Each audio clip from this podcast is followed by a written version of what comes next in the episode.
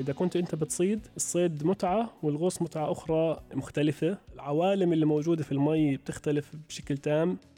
إن كانت الطيور تحلق فوق الأرض فبإمكان البشر أن يصبحوا طيورا أيضا ولكن في الماء. فتحت أسطح البحار هناك عوالم أخرى هائلة. مهما شاهدتها في الوثائقيات المتلفزة أو استمعت إليها في المذياع فلا تتسع الكلمات لوصف شعور الغواص عندما يكون محلقا بحرية. فاردا يديه وقدميه بلا خوف من السقوط ويتأمل بكل هدوء في الأسماك الصغيرة والكبيرة تسبح من حوله. التيارات التي تهزه يمينا ويسارا الطحالب والشعب المرجانية من تحته بعيدة كانت أم قريبة.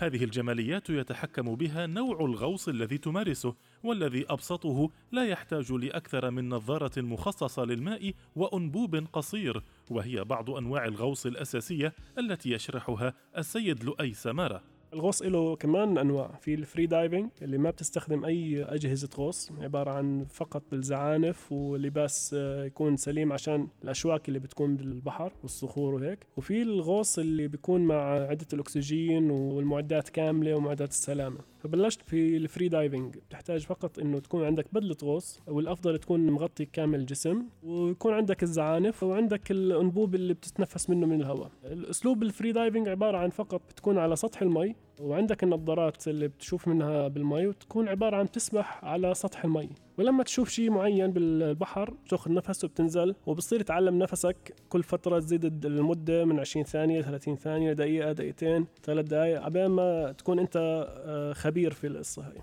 الصيد عبر الغوص ليس هواية الأغنياء وإن احتوى في مرحلة ما على معدات مرتفعة الثمن.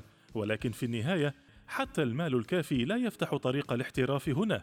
وإنما التمرين المستمر لأن رئة الإنسان مثل أي عضلة في الجسم تحتاج للتدريب الصحيح لكي تتمدد وبالتالي لتزيد من قدرة الغواص على البقاء تحت الماء دون أكسجين.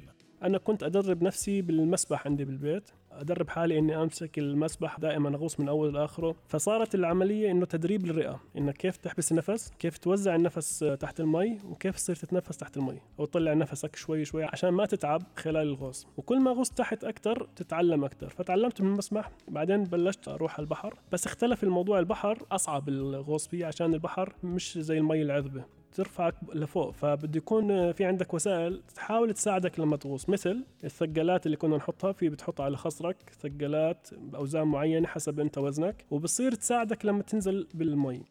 الغواص تحت الماء يكون تحت رحمة الطبيعة بالكامل، لابد أن يفهم تلك البيئة المحيطة مثل أي سمكة أخرى، فللغوص تقنيات معينة لابد من الاهتمام بتفاصيلها، وإهمالها يمكن أن يشكل خطورة كبيرة، وخلافا لذلك فإن الغوص يمكن أن يصنع أجمل تجربة صيد في حياتك كلها عند الغوص بالطريقة الصحيحة وباستخدام المعدات المناسبة. أمور يمر عليها سريعا السيد لؤي. في جن معنا بنصيد فيه من خلال ال free diving والجن في أكثر من نوع. في جن على شكل مسدس ومربوط بخيط وفي منه بيكون عبارة عن خشب طويلة بمطاط. أو ال gun اللي بيكون على مسافات طويلة ومربوط بحبل مع المسدس اللي معك. طورت الأمور صرنا ناخذ حصص diving نستخدم الأكسجين وكيف أتحكم بالأكسجين وشو الحركات اللي بتسويها وإنت بتغوص. في حركات مهمة. بنصح الكل إنه يتعلم يعني ما يغوص على نفسه لازم ياخذ تدريب. الغوص في خطورة ولازم يكون مجموعات. اتطورت وصرنا ناخذ نفس وصرنا نحط الأكسجين وصرنا ننزل. الغوص فيه متعة مختلفة بشكل كامل عن أي شيء تاني. إذا كنت أنت بتصيد الصيد متعة والغوص متعة أخرى مختلفة. العوالم اللي موجودة في المي بتختلف بشكل تام. سبحان الله نتخيل إنه إحنا شايفين كل شيء بس جوا المي شيء عجيب سبحان الله. وكما يقول عشاق هذه الهواية ليس فقط سيذهلك العالم العظيم تحت الماء ولكنك ستشعر بكل شيء حتى بالسمكة التي تصيدها بعبارة أخرى تصبح أنت السمكة.